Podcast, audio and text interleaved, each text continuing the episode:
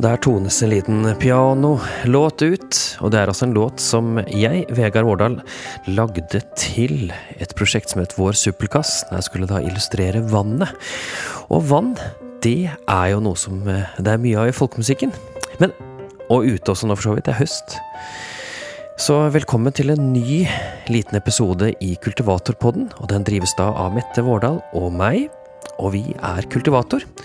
Og vi liker å prate og fabulere og diskutere rundt folkemusikk og folkedans, og gjerne også politikk. Så jeg håper dere vil trives med oss denne lille stunden her.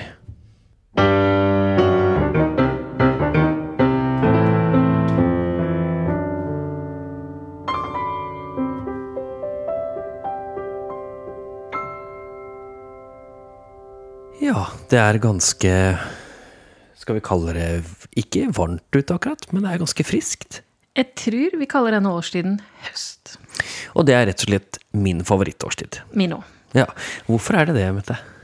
Eh, fordi det er fine farver, fordi det ikke er så varmt. Jeg liker ikke varme. Og så blåser det litt, og så er høstsolen utrolig vakker, og så er det deilig å gå i fjellet.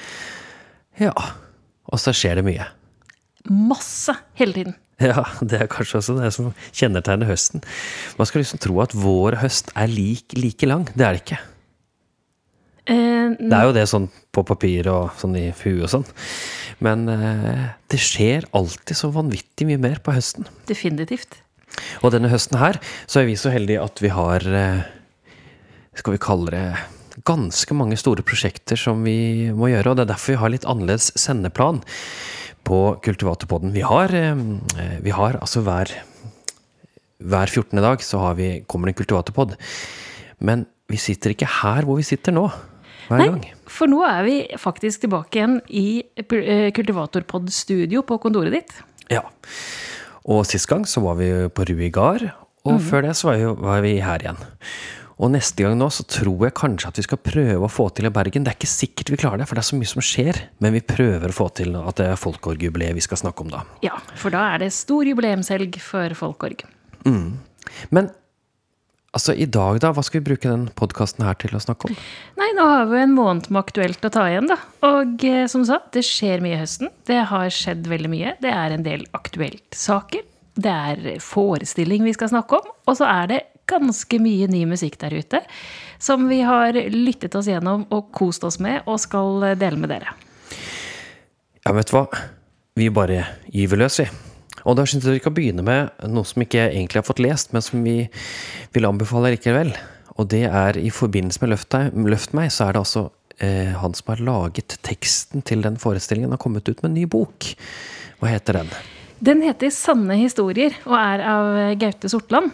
Eh, og det er en novellesamling. Altså, Gaute er en eksepsjonelt dyktig novellist. Jeg syns han er helt fantastisk på dette her. Altså, det som kjennetegner novellen, er jo å skrive ikke bare korthistorier, men liksom ha de derre oppsummerende vendingene på slutten som gjør at du i en kort historie bare liksom åpner opp et større landskap, da. Og der han har tatt tak i eh, personer, ofte unge menn, som sliter med å takle livet. Og det er jo samme problemstilling som vi tok opp i Løft meg. Så det er, eh, her får du virkelig gått i dybden på tematikken, og får mange underfundige, litt såre og humoristiske historier. Og det er da Samlaget som er gitt ut. Ja. Ja, vi prøvde å få dem til å komme til eh, oss og ha en liten sånn utstilling og gi ut litt bøker, men det fikk vi ikke helt til, da. Men vi prøvde i hvert fall, sånn at vi kunne få solgt mer av eh, Gaute sine bøker, for vi tror at dette her er noe som kan fenge der ute, og som folk bør få med seg. ja, dette bør de lese. Ja. Men det er jo en del andre ting som har skjedd på det aktualitetsfronten, da. Og vi kan jo ta det som kanskje er vi personlig her i podkasten vår syns er veldig, veldig, veldig bra. Det er nemlig det at NRK har ansatt en ny folkemusikkanmelder. Altså, spredt champagnen, serpentiner og eh, konfetti. Ja! August Flannegang eh, eh, Furubotn er altså ansatt. ja. Ja. En gang i måneden skal han levere anmeldelse av eh, en, en folkemusikkutgivelse. Og han eh, blir jo da en del av teamet som består av eh, Åste Kveseth og Jon Ole Morken i NRK. Og det som er bra, er jo at de satser videre og bygger sånn at de faktisk får et lag, og ikke sånn som det ofte har vært én ensom svale som skal gjøre alt på folkemusikk i NRK. Uh, og uh, ja, nei, det er kjempebra. Og så skal han ikke bare levere til Folkemusikktimen, selvsagt, men han skal levere folkemusikkanmeldelser til NRKs musikkprogrammer. Ja, så det betyr at vi ser han, eller ikke ser han, vi kommer til å høre han flere steder. Men vi ser han også nå, da, for nå finnes det jo at man lager videoer fra radiostudioet sånn også. Men han har altså sin bakgrunn eh, fra, som musikkviter, og gikk i Trondheim. Og så ble han engasjert, da. Mm. Og begynte å spille trekkspill, pianotrekkspill, og kom seg på Rauland og tok en master der etter hvert, faktisk. Og det, da tok han eh, det ja, i dette her landskapet om, om musikksamtaler, da. Og han er eh, eh, også blitt veldig, veldig, veldig glad i å danse. Og det er jo kult. Så da har vi altså en eh, musikkmelder som både kan dans og kan musikk. Og ikke bare det, han kan også en generell musikk, siden han har utdannelse fra Trondheim og er musikkviter. Ja, jeg tror dette er rett mann på rett sted. Så eh, har vi jo med bekymring sett at eh, bladet Folkemusikk har måttet nedprioritere sine anmeldelser.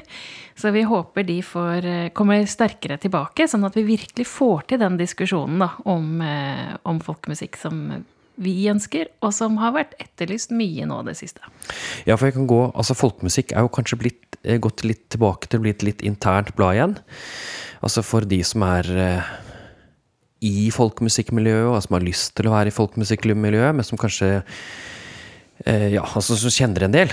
Eh, vi så det på sist Folkemusikk nå, som var ganske mye eh, skal vi si, reportasje fra kappleker og sånt. Men så han, han, her, August, han har altså da tatt masteren sin på det å Det språket som folkemusikerne som bruker, altså hvordan er, er det? Eh, og hvordan kan vi tilgjengeliggjøre det for vanlige mennesker? Altså hva betyr det? Ja. Så jeg tror dette er helt klart rett mann på rett plass, og så får vi håpe at han får utvidet sin porsjon av eh, frilansvirksomhet til å gjelde 24 plater gjennom et helt år, ikke bare 12. Ja. Men eh, så takk, NRK. Og så eh, kan vi gå videre til noe annet som har skjedd. Det er nemlig det at hvis vi er inne i Trondheimsregionen, så er det nemlig et senter som ligger der oppe. Ja, de feiret sitt 50-årsjubileum den 15. september. Eh, med Eller de starta vel den 15., og så tror jeg de holdt på gjennom hele helgen. Og, eh, og senteret har jo vært kjempeviktig. Det starta som Rådet for folkemusikk og folkedans, og med initiativtaker Egil Bakka, eh, som, som, bygget på hans innsamlingsreiser, faktisk. Og så har det jo utviklet seg. Og nå er det da Norsk senter for folkemusikk og folkedans det heter. Og så har de da i mange år også gitt ut um, priser. Så det har vært et aldri så lite prisdryss. Og vet du hvem som fikk RFF-prisen i år? Ja, det vet jeg. Det er nemlig en som heter Benedicte Maurseth. Og hun fikk den for uh, Systerspel. For sitt arbeid rundt det, og også for at det hun er som menneske, og det hun driver med rundt omkring. Så det, det er en personlig pris. Er, du får det ikke for en, en bok. Nei da, det er, det er blite enkeltmennesker. Men det markerer også et veldig skille i måten å gi ut pris på. For eh, RFF-prisen har ofte gått for lang og tro tjeneste. Altså når du virkelig har brukt hele livet ditt. Mm. Og, eh, og Benedicte Maurseth er jo fortsatt midt i karrieren sin. Eh, så det er jo Dermed så begynner den å ligne, ligne litt mer på Altså denne tildelingen er likere årets folkemusikkertildeling, kan man kanskje si. Ja, det, det er jeg helt enig i. Bare at uh, hun får den her kanskje også da på et vis som en slags uh, Altså det arbeidet hun har drevet med kvinner og folkemusikk, da. Og at hun har blitt nominert til Nordisk råds musikkpris og litt sånn. Så det er, liksom, det er litt, mer, litt mer generelt kanskje enn bare årets folkemusiker. Men, ja. Eh, men, jeg er helt enig. Det begynner ja, altså, å ligne mer på det. Ja, mm. definitivt. Og en uh, riktig og velfortjent pris, altså for all del. Jeg ble bare så overrasket fordi, uh, fordi man hadde venta en annen type priskandidat. Men, mm. men, ikke mindre gledelig. Og hun har jo gjort seg enormt bemerket for arbeidet sitt, og gjort et stort arbeid. Men hvis vi da tar lang og tro tjeneste, så kan vi liksom gå litt over til fagpublikasjonsprisene. For der er det nestorer som er Ola Kai Ledang. Han eh, har gitt ut da en bok, altså om barkefløyta. Eh, har du lest den? Jeg visste ikke at den var kommet, men jeg visste at han hadde fått prisen. Men Ja, det er A er- Bark Flute World on the Norwegian seljefløyte. Så barkefløyte, seljefløyte, det har han fått. Jeg har ikke lest den, jeg. Så det må vi rett og slett bare få fatt i, så vi kan ikke anmelde den her eller noen ting. Nei, nei, så det må vi få tak i. Men det er jo gøy at det finnes noen som bruker så mye tid på så små temaer. For det er jo det vi trenger. For hvis alle går mainstream, så får vi jo bare masse av det samme. Ja, ikke sant? Men før så har det bare vært én som har fått denne fagpublikasjonsprisen. Men i år så var det to, sikkert pga. jubileum. Og den andre, det var da Elisabeth Kverne og eh, Bjørn Aksdal som fikk det for sin bok bok Langeleiken. Og det er jo da en eh, eh, altså, Hva heter det? Sånn eh, nøkkelverk om Langeleiken. Samlet masse, masse informasjon over mange, mange år. Og den er grundig og god. Ja. Eh, Jeg skal ikke påstå at jeg har lest hele den heller, men jeg har iallfall bladd i den og lest litt i den. Ja, vi får se om vi eventuelt skal gå litt dypere i anmeldelser der. Da må vi nok antageligvis få litt eh, gjester, eh, at noen kan hjelpe oss litt. For jeg kan, kan ikke så mye om langleik. Jeg er heldig å ha fått lov til å ha det en del, bruke en del på scenen. Eh, og da kan vi bare gå videre, for da kan jeg si hva jeg, hva jeg brukte lakenleken på. Kan jeg få lov til det? Vær så god. Ja, for eh, SFF, eh, lykke til med 50 år, og vi gleder oss til nye 50 år med senteret. Og håper at det blir masse, masse, masse mer eh, snakk om folkemusikk og folkedans, og at flere benytter seg av senteret. Men Langleiken, altså. Jeg var nemlig på Gudbrandsdals musikkfest på fredag. Ja, i en uh, diger uh, snekkerhall der det lages hytter. Ja, så Tinde fabrikker, hyttefabrikk, der var jeg. Og der fikk jeg lov til å spille med det som har den for store, fine forkortelsen OI, altså Orkester Innlandet, under eh, ledelse av Atle Sponberg. Men her med Pe- Peter Svei som dirigent. Og Gudbrandsdals musikkfest er jo sånn derre en stor fest hvor Peter og Ingeborg, eh, som de to som er eh, Ingeborg Gjellebo, operasanger. ja, ikke sant, Gjellebo, som er eh, operasanger, som også har gått på Vinstra. De har liksom en kjærlighet for eh, dette området, og de er med sammen med ja, Vivian Haverstad Løkken, som er kanskje en sånn eh, fikser rundt omkring. Og så har Kalles også daglig leder. Ja, ikke sant, men det er, det er definitivt hun som fikser mye. Ja. Det er hun som gjør alle små ting som ikke disse her store stjernene gjør. Eh, de gjør mye, de også, altså, men eh, de har ikke muligheten til det. Og så har vi da Ruigard. Med Øystein Rui Ja, og også hans kompanjong in, nei, vet jeg, partner in crime, Ja. Vegard Moshagen. Riktig. Ja. Eh, I starten hadde de også med seg eh, Arve Tellefsen. Men jeg vet ikke om han er med i styr og stell lenger. Ja, det vet ikke jeg heller, faktisk. Nei. Så det er en sånn eh, en festival som tar vare på det klassiske, den klassiske musikken, men også inviterer inn det lokale. Og da også gjerne fokus på lokal folkemusikk og unge talenter. Og i år, på Tindefabrikken, så fikk jeg altså lov til å spille der sammen med Spira. Som er da spelmannslaget på landslinja i folkemusikk på Vinstra. Og det er, består av mange unge spirer, og deriblant en langleik. Ja. Og da fikk jeg arrangere eh, min komposisjon Ære for eh, Orkester Innlandet. Hadde jeg jo arrangert før, fordi jeg har vi spilt eh, sammen før. Men så måtte jeg bare rearrangere litt for å få inn disse her eh, godeste langeleiktonene. langeleiktonene. Og det var stort. Det var kjempestort. Vi spilte Hastfalls av Bjørn Kåre Aade, ære av meg. Og så spilte jeg sammen med Orkester Innlandet og Stian Karstensen Reistad-duo. Ja. En liten låt basert på diktet Ikke alle kjærtegn lykkes. Noen går i vasken, og jeg trekker meg tilbake med et fåret smil. Men noen lykkes. Ja. Eh, det var kjempegøy. Det var helt eh, strålende. Så langleik kan altså brukes i samspill. Det er ikke bare solinstrument. Det er- Overhodet ikke. Ja. Ja. Men det er jo ikke bare det vi har eh, gjort. Hva har vi gjort siden sist, da? Eh, Jeg har eh, vært på ny studiesamling i dokumentarproduksjon. Og eh, bare bygge meg opp kunnskap for å komme ut med nye dokumentarfilmer. Det blir spennende å se. Ja, du er ikke drøy, altså du begynner å studere når du liksom har ja, kommet et godt stykke i livet, kan vi ikke si det sånn? Ja, og det, og det, er, det er morsomt da, å studere sammen med folk som skal bygge seg en utdanning. Og jeg er bare sånn, ja, men nå har jeg doktorgrad, så akkurat de studiepoengene er kanskje ikke så farlig.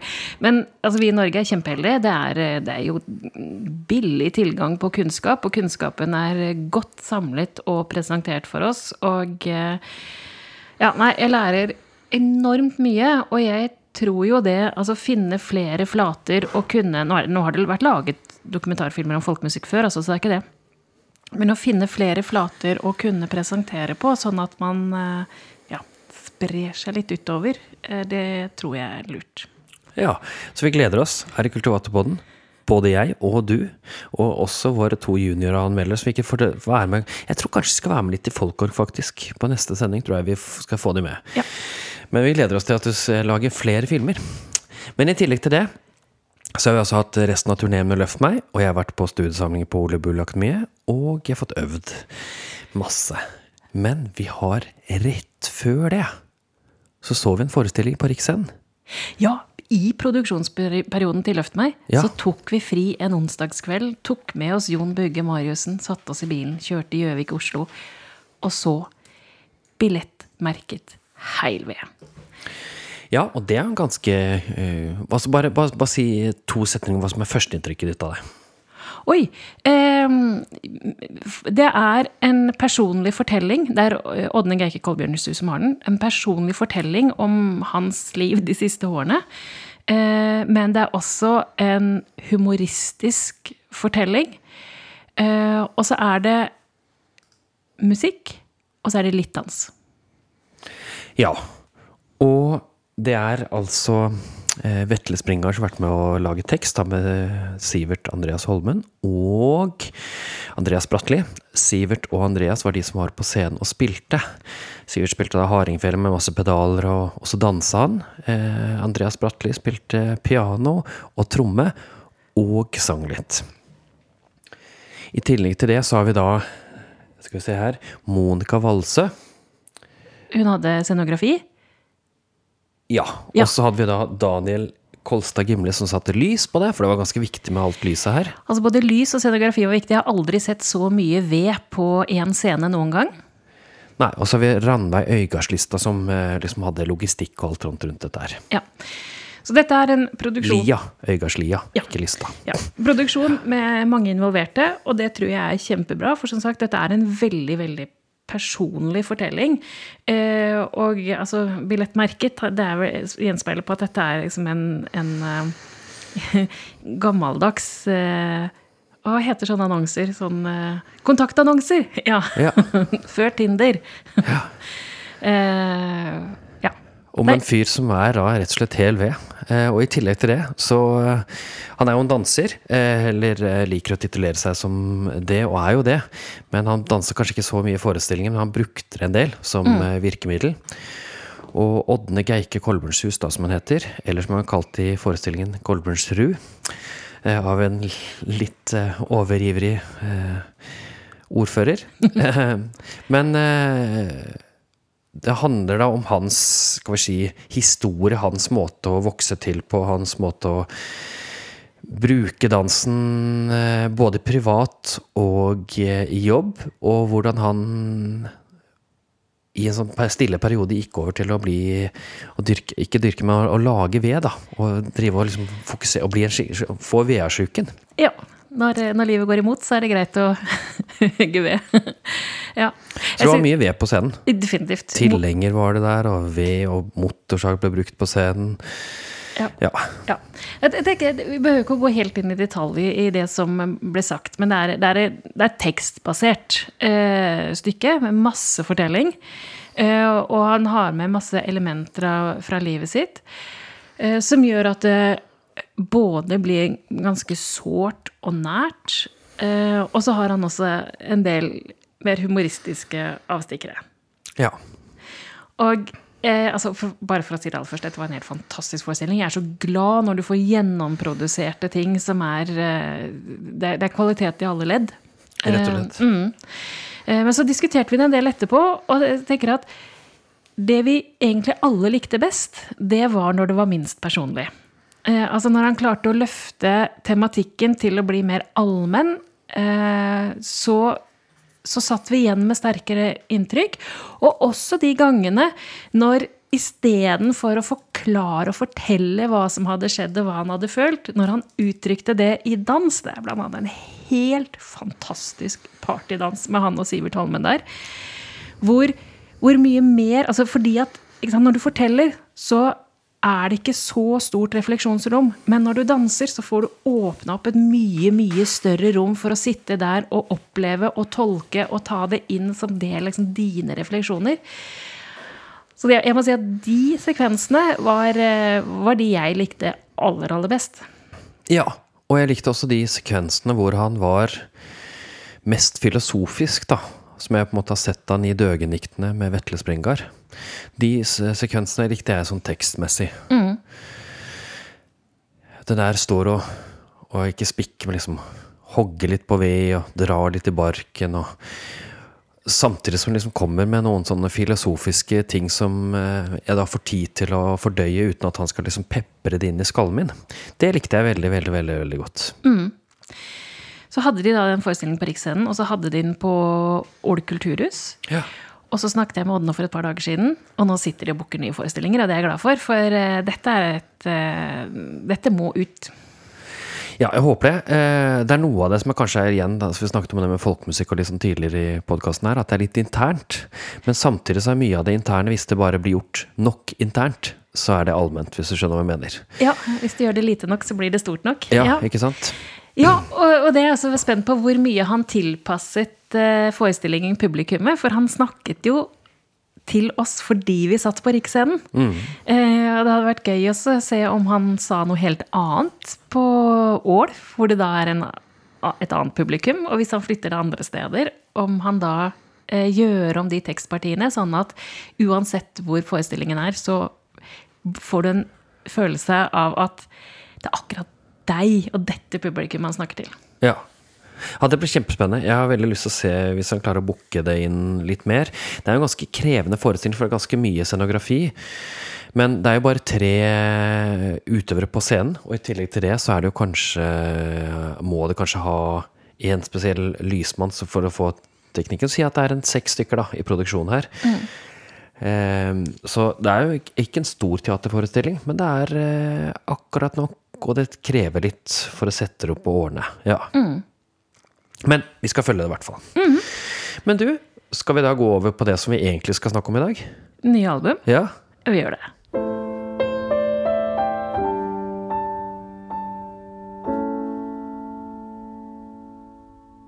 Ja, bare til dere lyttere nå. Altså, vi har en del plater. Vi kan bare si hvilke vi skal snakke om, sånn at dere vet det. Så kan dere eventuelt skru av hvis dere ikke har lyst til å høre på noen av disse her eh, platene. Vi skal altså høre på Bjørn Kåre Odde og Holmen sin Føreferd, som er én plate. Den skal vi snakke en del om. Vi skal snakke om Gangar sin Stubb. Den skal vi faktisk gå ganske detaljert gjennom. Eh, Så er det Ævestaden sin plate. Og så er det Eir som har en liten singel. Øyvind Smith som har en singel. Og så er det de to eh, trad-låtene til Ingebjørg og Odd som vi skal snakke om. Og så skal vi snakke litt om Avantfolk og eh, Ragnhild Hemsing sin siste plate. Eh, men de som vi skal gå litt dypere inn i, det er altså Førefær og Stubb. Ja, og da tenkte jeg kanskje vi bare skal starte med bare for at det ikke blir for heftig, og at vi må hoppe opp og ned, og vi har pyr og sånn, så kan vi ta det som er litt mer rolig. Og det er da Bjørn Kåre Odde på bratsj og Sivert Andreas Holmen på Hardingfele. Ja, rett og slett. Litt forskjellig stemt her og der, men det er det som er hovedsaken. De ga jo ut, eh, ja, rundt 2015-2016 et eller annet sted, en plate som het Sumarmorgen, som er da en komposisjon laget av Eivind Groven. Så ga de da to ut en duoplate. Så det er ganske lenge siden sist plate. Definitivt. Og dette er jo to vi har fulgt eh, lenge, for å si det sånn. Fra de gikk på Vinstra, og kanskje enda for det òg. Eh, og eh, da de kom med sitt første album, så eh, Så var jeg sånn Ja, dette var bra, men og så venta vi kanskje litt på hva som skulle komme. Så har jo Bjørn Kåre hatt veldig mange prosjekter og utvikla seg veldig mye liksom, over tid, og vi har fulgt med på det. Og så har Sivert Holmen vært litt mer eh, skjult, men nå har han tatt steget fullt ut og blitt uh, frilanser på heltid. Han var jo med i Billettmerket Heil Ved. Han har hatt flere forestillinger. Og, uh, og har liksom Ja. Uh, han har nok utvikla seg mye litt mer i skjul, men plutselig nå så, så, kommer han, og så ser vi hvor langt han også har gått siden debutplata deres. Ja. Og det er jo en Altså, de, de to vant jo sammen Introfolkprogrammet i 2015. Årets unge folkemusikere. Nå som Nå i fjor så var det vel Eir som vant den. Ja. Mm. Eh, og siden den tid så har det kanskje har det utviklet seg en del, kan vi ikke si det sånn? De, altså den jo Den første plata er jo basert på vanligfele og hardingfele for det meste. Og der er det mer slåtter og mer kan vi si, det tradisjonelle annenstemme og ganske tett samspill. Eh, som ikke gir så mye rom for at man kan spille så mye feil, kan vi si det sånn? Skjønner du, Er du med på tanken? Ja, og, og definitivt veldig bra spilt. Altså, det, jo, det, var jo en grunn til at de ble årets unge folkemusikere. Altså, det, dette er, det var veldig, veldig bra, men også litt eh, Jeg hørte igjen for, nei, ikke forestillingen, plata nå. Altså, det er litt konsentrert. Altså sånn at du hører at de, de konsentrerer seg. Eh, og det er noe godt ved det. Mm. Men, men, samtidig så kan det, det også til slutt gjøre at man ikke orker å høre plata så mye. Man får ikke noen pauser, ikke sant? Mm, ja. Eh, så det er liksom litt sånn intenst på et vis. Um, mens denne plata her er jo annerledes på det feltet, kan vi trygt si. Definitivt. Altså, først så hørte jeg den én gang, og så ble jeg så glad. Og så hørte jeg den en gang til, og så ble jeg enda gladere. Altså, det er noe med den briljansen som er altså, til fingerspissene, samtidig som de klarer å gjøre det lekende lett, eh, oppleves det som. Som gjør at du liksom du får den roen. Altså, det er jo dette som gjør at jeg liker eh, kammermusikk, f.eks., når det er innmari bra. Det er komplekst, det er mye, men samtidig så får du liksom bare åh, nytelse. Mm. Men det store spørsmålet er passer egentlig hardingfele og Bratt sammen? Jeg gjør det ikke det? Altså, Hvis du hadde spurt hvem som helst eh, som er, kjenner disse to instrumentene, så ville de vel sagt nei.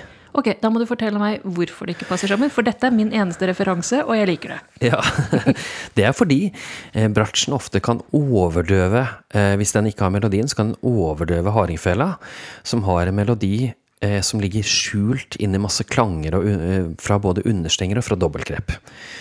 Hvis hardingfele skal bære melodi sammen med bratsjen som skal lage klanger, så kan det være vanskelig å få fram melodien.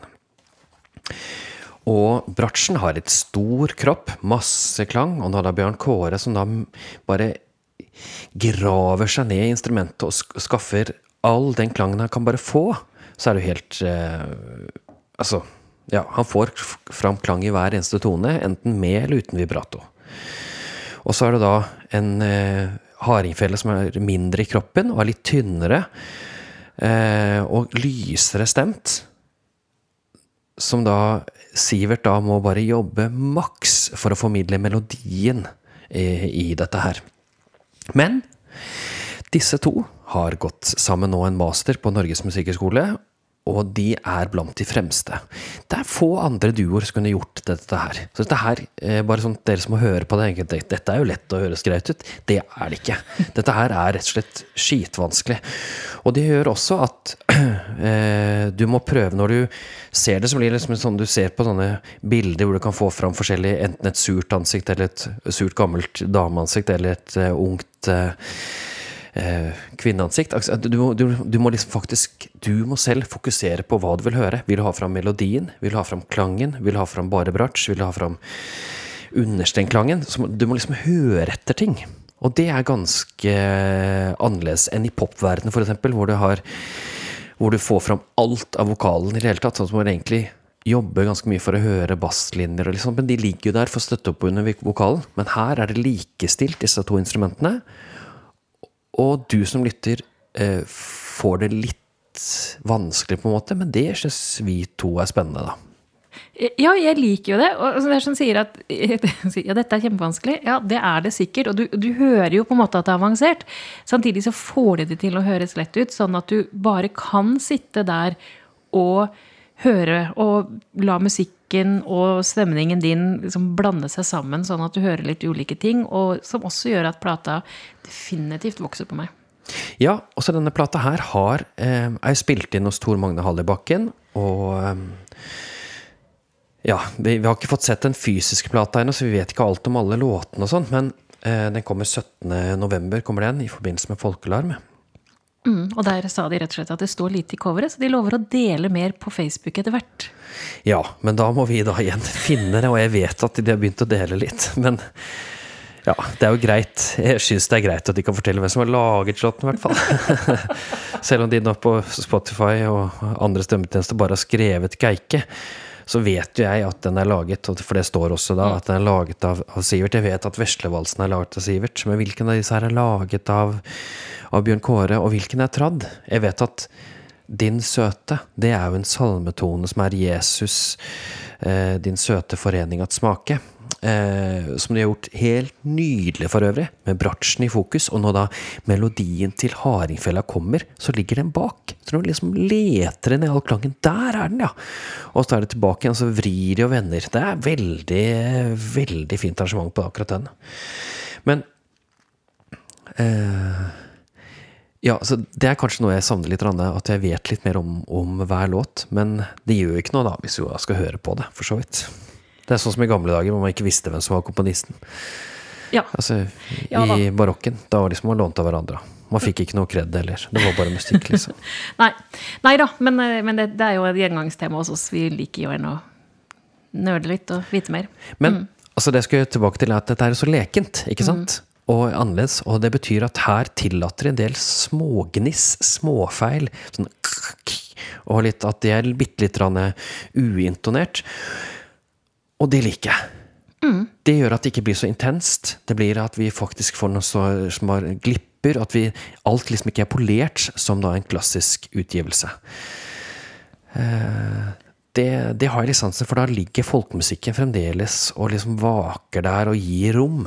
Selv om det er mye her som da trekker, eh, trekker oss mot den klassiske musikken. Ja, er det man sier liksom den vanskelige andreplata? Måtte vente sju år på den. Men jeg syns definitivt de har eh, de har vokst i sju år. Ja, det syns jeg. Og på den forrige plata så hadde de altså med eh, to eller tre komposisjoner av eh, Eivind Groven. Okay, 'Regnbuen' og 'Springar'. Og så Summamorgan, ja. For, mens her har de ett lite hint, og det er balladetone. Og det er jo den absolutt vanskeligste spillet. Jeg husker jeg spilte en sånn Patrick Andersson på eh, Norges musikkhistorie, og hadde Sven Nyhus der veldig vanskelig vanskelig posisjon, og det er så mye introduksjon. Men her gjør de det glitrende. Og det gjør at dette er en av mine favorittlåter. Det er nummer tre. Spor nummer tre. Veldig, veldig veldig fin låt. Så det er kanskje min favoritt. Hva er din, da? Oi. Um... Nei, vet du, det vet jeg ikke. Jeg har, uh, jeg, jeg har ikke plukket ut en for Jeg har bare hørt platen som helhet og kost meg gjennom hele og syns den er fint bygget opp. Som gjør at jeg ikke har eh, Jeg har liksom ikke tenkt 'Å, den! Der var det!' Eh, jeg bare Å ja, ingen hemmelighet at jeg er begeistret. Jeg liker alt det, Vegard. ja, det er fint, for de har liksom sånne små eh, intermesser som de hadde for, forrige gang også. Litt sånne små hvilepunkter innimellom. Sånn at både tradstoffet og det komponerte stoffet liksom, liksom får satt seg, da. Mm. Så det er en ganske godt bygd opp plate. Jeg er enig i det, altså.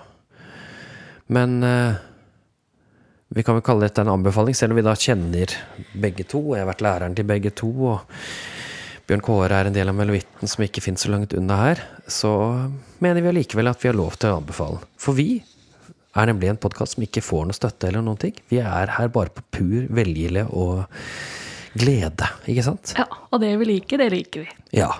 Samme om de er venner eller uvenner. Ja. Skal vi gå videre til neste? Ja, og da setter vi opp tempoet litt. Ja, bitte lite grann. Og det er jo eh, Gangar, folkrockbandet. Og jeg må si da de kom, så var det en liten lettelse. Det hadde vært mye stille, forsiktig, eh, minimalistisk folkemusikk. Og så gir de blanke og kjører rett på, rett fram folkrock. Ja. Men hva mener du med rett fram folkrock? Hvem tror de har som forbilder her, da? Eh, nei, vi kan jo f.eks. gå til noen svenske venner i Vesen og den slags. Eh, Ja, Vesen er jo ikke folkrock, da, men vi må ta Hoven-Droven, tror jeg. ja, okay, da. Eh. Vesen er jo bare en trio. Dette her er jo rock. Her Ja. har vi saks, vi har gitar, vi har eh, bass, trommer Altså, vi har det meste her, da. Ikke Ja. sant? Ja. Eh, men, og det jeg liksom noterte meg når jeg satt og, og hørte gjennom og skulle, skulle forberede anmeldelsen, så jeg dette her er faktisk folkrock uten ørkenblues. Det er det faktisk, og det er veldig sjelden i norsk eh, sammenheng. Ja. Mattis Kleppen eh, og um, Erlend Viken-trio. Erlend vi kan ta uh, Sudan Dudan, vi kan ta Altså Anders Øyne og masse flere som bruker denne ørkenblues. Dette her er ikke det. Dette her er folkrock basert på mer Temmingsson, Hovendroven eh, eh, Ja, masse av disse her svenske bandene. Og i tillegg bare hevet seg på en del andre liks og triks fra rockeverden. Både fra heavy metal og fra jazz. Men alt det som kjennetegner, er at det er heftig.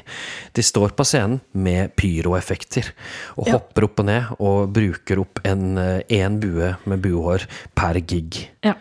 Og så syns jeg det er veldig gøy, da, for de er, eh, de er opptatt av eh, forbildene sine, altså hvor de henter ting fra, og at dette her er genuint. Og der har de en hel liste, blant annet så er det Vidar Lande, Salve Austen og eh, ja, Hauk Buen.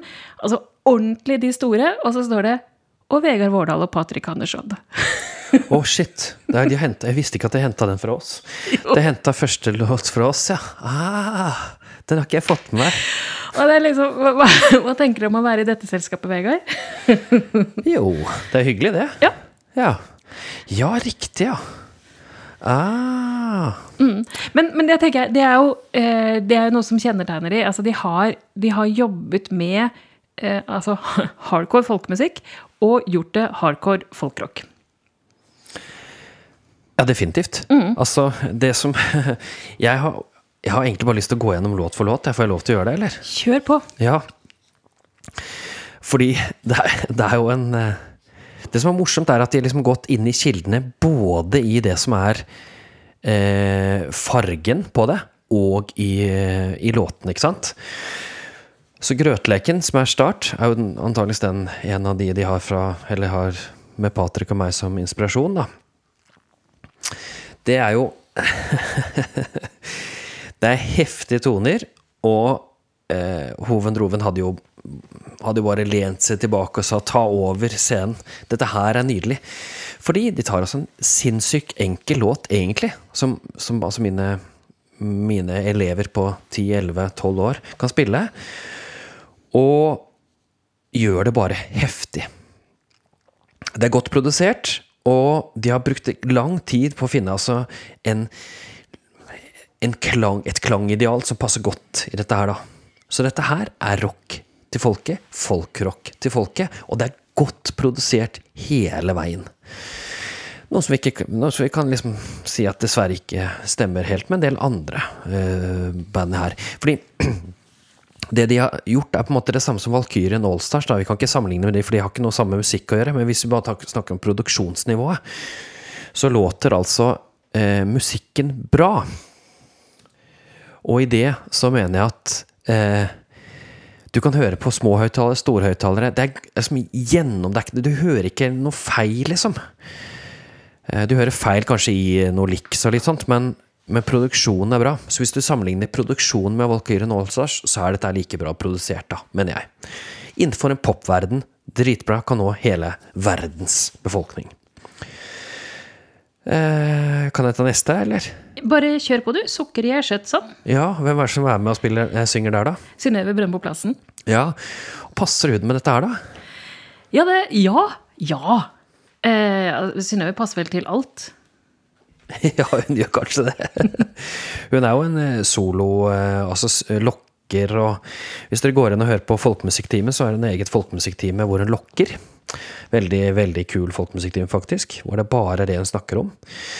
Eh, kom har hatt gitt en soloplate. Eh, men her er hun altså inn på dette her, og det som er litt morsomt, er at her behandler de Synnøve, som da er likealdring med mange av disse her, som en tradisjonsbærer. Hun står framme som en slags sånn smykke, og hun synger. Gjør ikke noe sånn he-he-he, noe tull. Hun bare synger låten, og så legger de seg rundt og gir henne en klang av rock. Og ja, heftige riff. Og det kan liksom, da kan jeg se arven tilbake til sagn og, og arv, for den saks skyld, og Rosensfol og litt sånn, at eh, der tok artistene og satte folkemusikken i midten, og så la de seg rundt som en klang. Og det har også da Hovendroven Nei, eh, altså Hovendroven også gjort, med, men de har bare gjort det med arkivopptak, var det jeg Ja. skulle til å si. Mens her har da Gangar gjort det eh, live med Synnøve Brøndbo-plassen. Og jeg liker det. Igjen. Ja, ja. Det er kjempemorsomt. um, ok, og så er det neste. Det er Murrukleiven. Hvem har de fått med seg der? Eh, Kenneth Lien på munnharpe. Ja. Og det er jo bare en sånn orgie i rytme, faktisk. Og da kan vi se det er flere sånne trommeslagere som bruker um, munnharpa som en perkusjon. Birger Mistreggen eh, Ja, altså det, det, er er flere av disse her. Eh, ja, vi kan høre på Utla også, med, med de som har eh, er der. Det er flere som har brukt Men her brukes den både som melodi og perkusjon. Så vi får fram melodien ganske tydelig, for Kenneth Line er jo blant landets beste munnharpespillere. Og så i tillegg til det, så får han liksom fram rytmen. Det er ikke ordentlig fokus på rytmen. Det er veldig, veldig kult. Men det er en veldig enkel melodi. Igjen, ikke sant? Doris Greilander. Her får vi altså rytme til et metallband. Og gitarsoler som får gamle rockere til å rett og slett slippe en liten en i stolen der de hører på dette her. Det er teit, det er, det er tight, det er fresht, og det er råkult. Og det som er litt morsomt, er at dette er kanskje min favoritt, eh, og jeg liker ikke rock. Nei, ikke sant? Men det er kanskje fordi igjen det er så godt produsert, og det er så tight, da. Ikke sant? Skrebua.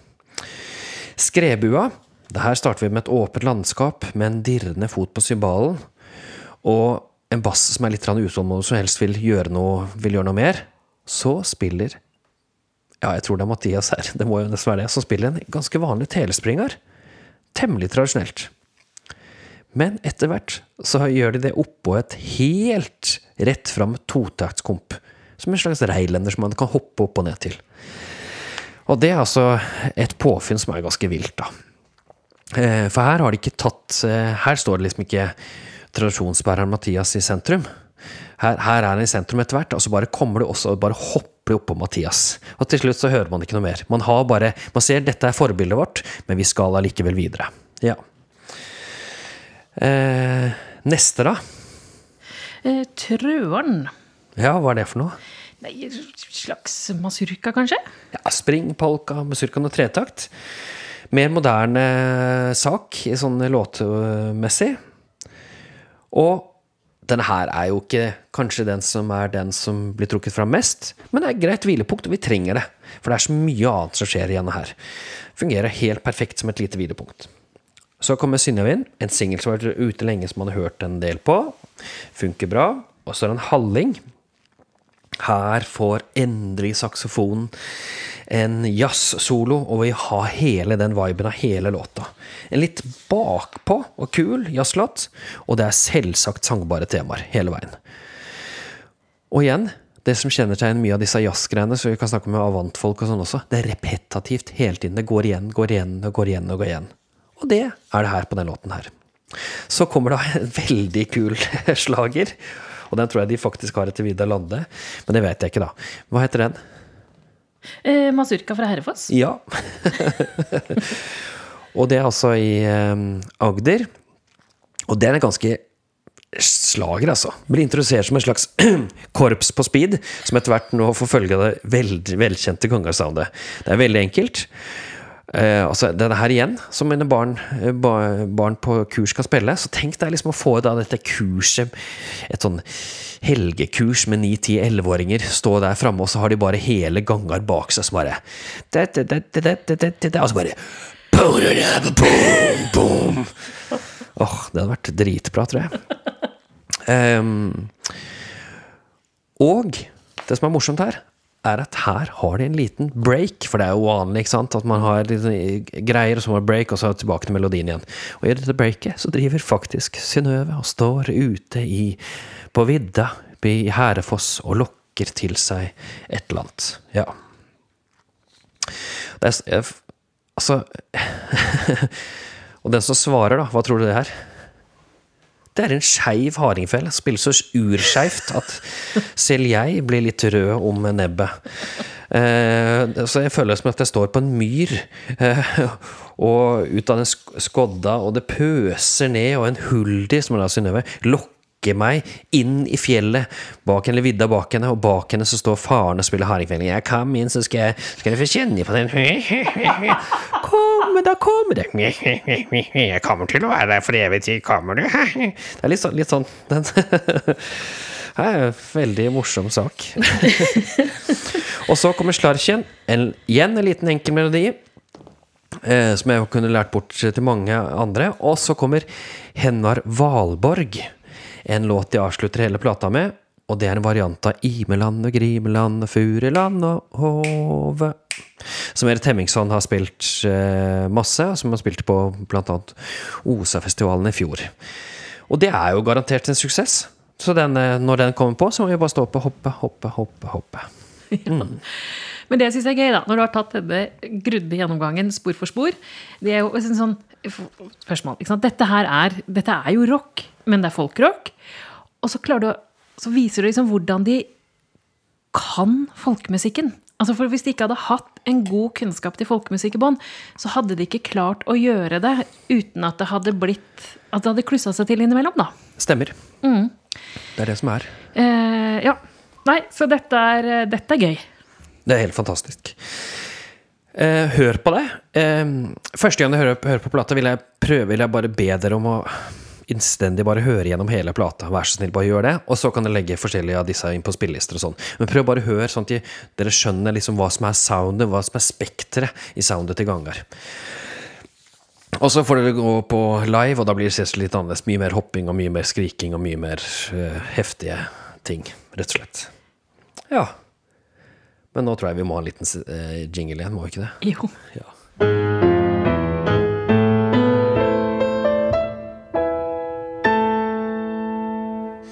Da har dere hørt min eh, stemme ganske mye, så nå skal dere få Mette Vårdal. Du skal snakke om en utgivelse som heter Jeg skal snakke om Ævestaden. Ja.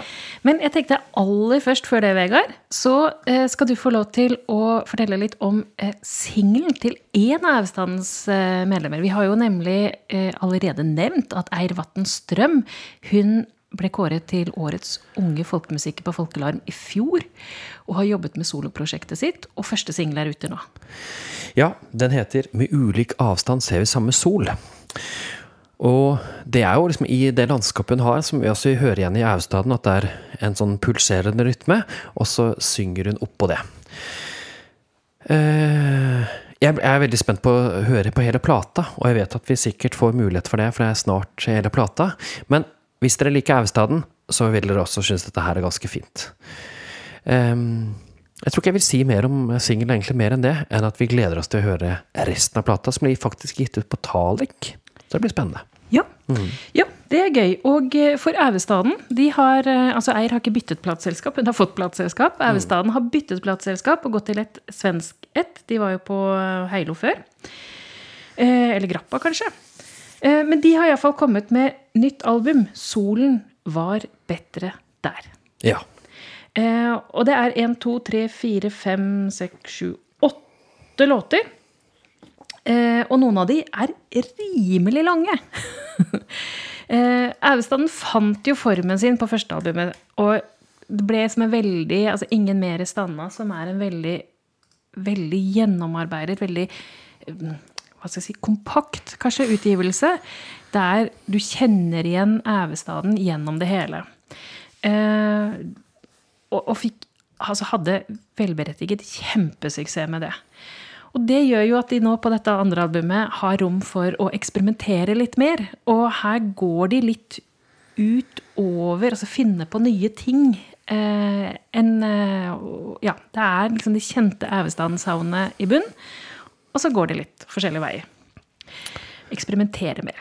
Ja, og jeg liker også det at de har på plata litt sånne korte, ikke korte, men litt sånn stille, stille kutt, da.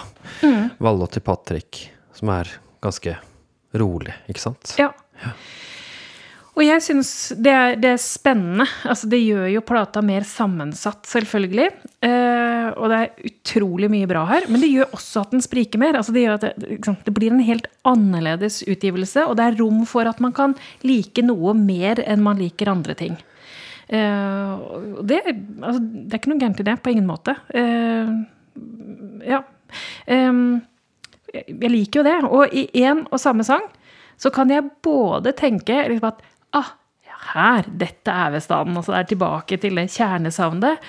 Og så blir det tatt med videre til et helt annet univers. Og jeg syns kanskje den nesten åtte minutter lange motorbåt, det er en slik en. Hvor du liksom trodde du hadde landa, så å nei, nå skulle vi dit, ja. Og så, og så Ja, det tror jeg faktisk er min favoritt på plata. Er den. Ja, den låten der.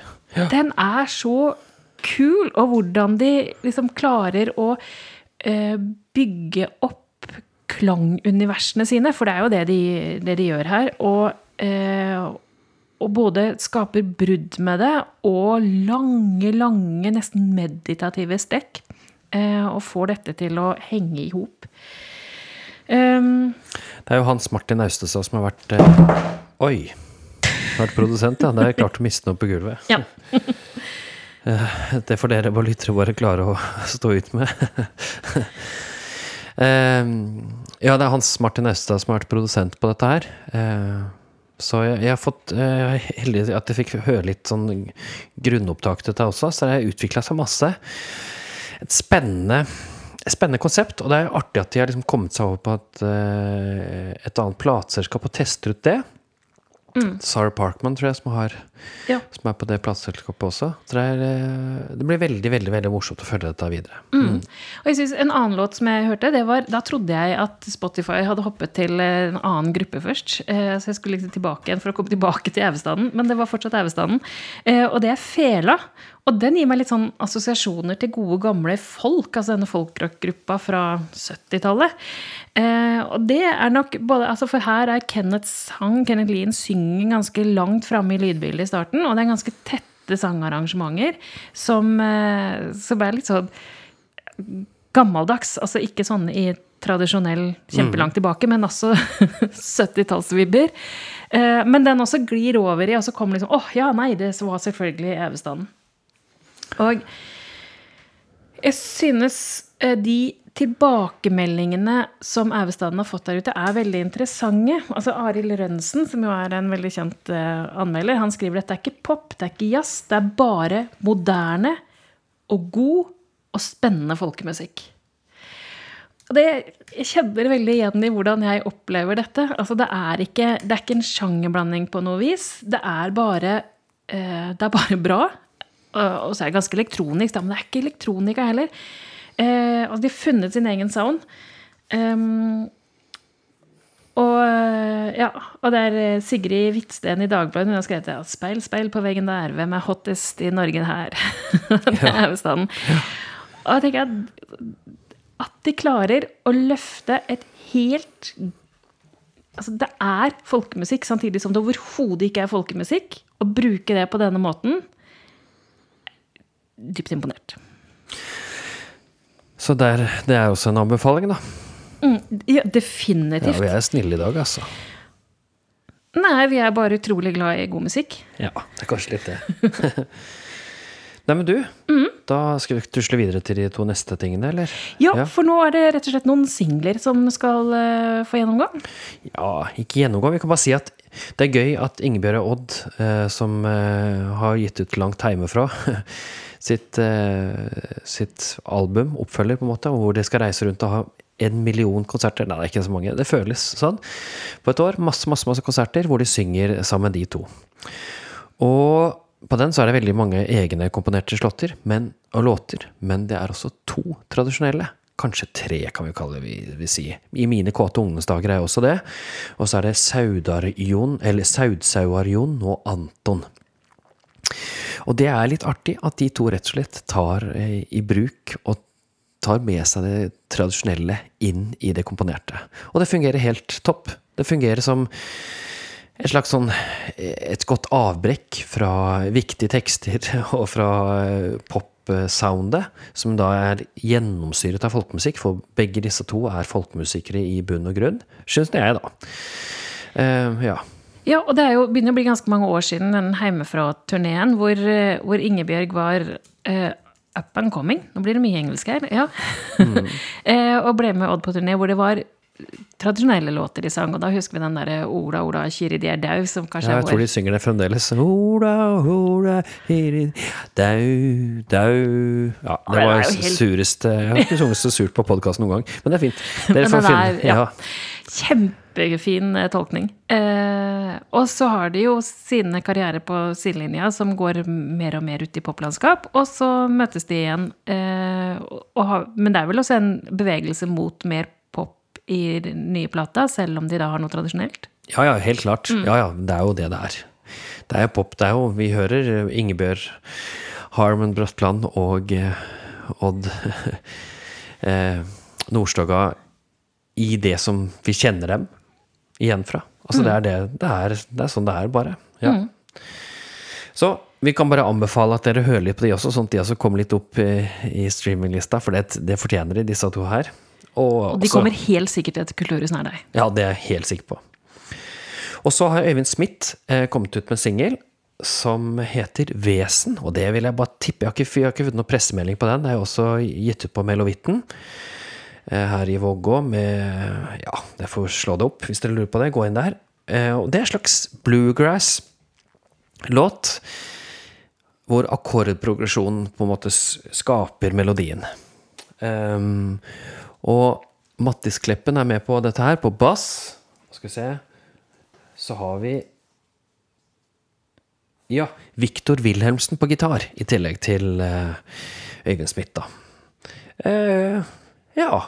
Eller artig liten låt som har masse ting spekket i seg. Her er en liten sånn bitte, bitte, bitte liten eh, Et lite break som er så lite at det nesten ikke går an. Og på slutten så øker det litt for å sakke igjen.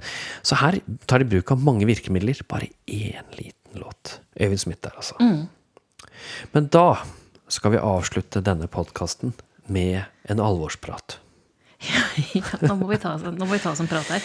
Ja, for er triptykk med avantfolk folkemusikk? Ja, ikke sant. Fordi vi hører på utrolig mye musikk. Nå har vi gått gjennom Gangar og Ævestaden, og, som er på en måte langt fra det tradisjonelle. Samtidig som vi opplever det som noe genuint innenfor folkemusikklandskapet. Og så hørte vi på da Avantfolk, som er et timannsband med Frode Haltli i spissen, og deres nye tredje album, 'Triptyk'. Eh, og så var jo begge sånn Ja, men nå er vi utenfor folkemusikken. Og, og så, det, det, handler ikke om kvalitet å det handler rett og slett om det musikalske landskapet vi befinner oss i. For det er, det er vanvittig kul musikk. Det er veldig bra jazz. Men ingen av oss satte igjen og tenkte at det var folkemusikk igjen. Selv om det er folkemusikkutøvere som er med på dette også. Ja, og selv om titlene kan være tripper og litt sånt, ja. så er det vanskelig for oss å kjenne igjen folkemusikken i det. Eh, så derfor tror jeg ikke vi rett og slett skal anmelde noe særlig her. Nei, men jeg har lyst til Kanskje vi skal invitere lytterne til å gjøre en liten analyse av oss. Nei, men altså, hvorfor ja. jeg tenker altså, Det er liksom sånn Plutselig så opplevde vi Her går grensen. og, og, eh, og, vi har jo hatt diskusjoner før. liksom, Er dette innafor, er det utafor? Altså, men, men så, den er veldig tydelig at nei, vet du hva, nå er vi kommet utafor. Og eh, ja, vi har jo snakket om, eh, om, musikk av folk vi liker veldig godt før, både i dag og tidligere. Og så har jeg liksom tenkt på ok, er det fordi Har det noe med at jeg ikke kjenner dette godt nå? Nei, det er ikke det. For det er noen av de kuleste, råeste folk jeg vet om som er med på dette, både folkemusikere og andre musikere. Så det er overhodet Og det får stjerneanmeldelser, altså. Det må jeg bare si. Definitivt. Ja, altså, men og det er bra. Ja, og Ja. jeg har gått og sett litt på de ulike anmeldelsene, og det som er morsomt, er at veldig mange andre også trekker fram at dette Altså der ævestaden blir 'dette er folkemusikk', så er de 'dette er musikk'. Eller 'dette er jazz'. Mm. Ja. Og så hører de noe fortidig bak der, men det er, liksom, det er så langt bak. Uh, og jeg har ikke, jeg har ikke klart liksom å finne ut verken med meg sjøl eller med musikken på hva er det som gjør at dette er Altså, ja, hvorfor går grensen der? Åh, skulle kanskje lytterne våre har gode innspill. Eh, gjør gjerne en analyse på oss og finne ut av det. For, eh, for vi har jo hørt på en annen utgivelse også. Langeberglotten med Ragnhild Hemsing. Ja, altså det er kommet to singler fra hennes nye nykommen, eller album som kommer litt seinere i høst, som heter Ja. Vetra. Kaller disse to her singel sammen, da. Ja. Da heter det Langeberglotten, og så ender opp med Det er liksom denne selve Langeleik-låten her, og så går det over i Jeg veit et evig himmelrik, som er en tradisjonell salme. Ja. Og, eh, og dette er også altså Ragnhild Hemsing eh, spiller jo både fele og hardingfele, og, og har bakgrunn altså Hun er klassisk skolert, og så spiller hun eh, også folkemusikk fra Valdres. Men her sitter vi også med samme opplevelse av at dette er ikke lenger folkemusikk, selv om det er tradisjonelle slåtter. Eller det som er, litt pussig, da, er at når du leser omtalen, så skriver hun veldig mye om hvordan folkemusikken er videreført fra generasjon til generasjon, og hvordan den fortsatt lever i muntlig tradisjon. Men det hun har tatt tak i, er jo Lindemann-nedskrifter fra 1800-tallet. Altså Ja. det er fem generasjoner siden dette, denne folkemusikken ble festa på skrift, og dermed døde som tradisjon. Så det er ikke, det er jo ikke en levende tradisjon hun tar fatt i her, men en klassisk musiker som i notebildet har tolket muntlig tradisjon som levde på 1800-tallet. Så det er litt sånn eh, eh, Ja, jeg, jeg, sliter litt med helt å se eh, forankringen og sammenhengen her, da. Men det kan være at vi får sett det 3. november, for da slippes hele albumet Vetra.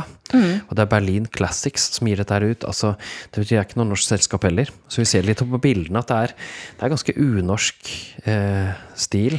Altså, hele markedsføringen hennes er retta mot utlandet og spiller på eh, klisjeer eller arketypiske oppfatninger av eh, Norge som vinter, som kaldt, som landet mot nord, og som folkemusikken. Altså, det er nesten litt sånn altså litt sånn samiske assosiasjoner i Båkode på en måte på den, det imaget som bygges ut av. Og hun har et stort marked på det, og hun spiller himla bra, så det har ikke noe med det å gjøre. Men igjen, den opplevelsen Her går grensen. Ja, Vi skal høre på det 3. november, Ja. men det er ikke sikkert dere får en dyp anmeldelse av det. Nei. Og nå, Mette. Ja. Nå skal vi snart eh, kjøre av gårde for å treffe vår datter. Ja. da har hun vært på hybel og vekk fra så lenge at nå må vi rett og slett ta en lunsj sammen, tror jeg. Ja, jeg tror det. Og hvis det er slik at dere har lyst til å ta kontakt med oss, bare send oss en melding på Facebook eller på noen andre sosiale medier, eller send en e-post til kultivatorpodden at kultivator.no. Og jeg vil gjerne høre deres tanker på hvor går grensen for hva som er innafor og utafor i det store sjangerbegrepet folkemusikk. Hm, ja, men da lar vi det være siste ord. Og så ses vi og høres vi kanskje på Folkorget i Bergen 14. oktober. Eh, og meld oss gjerne. Vi er glad i debatt.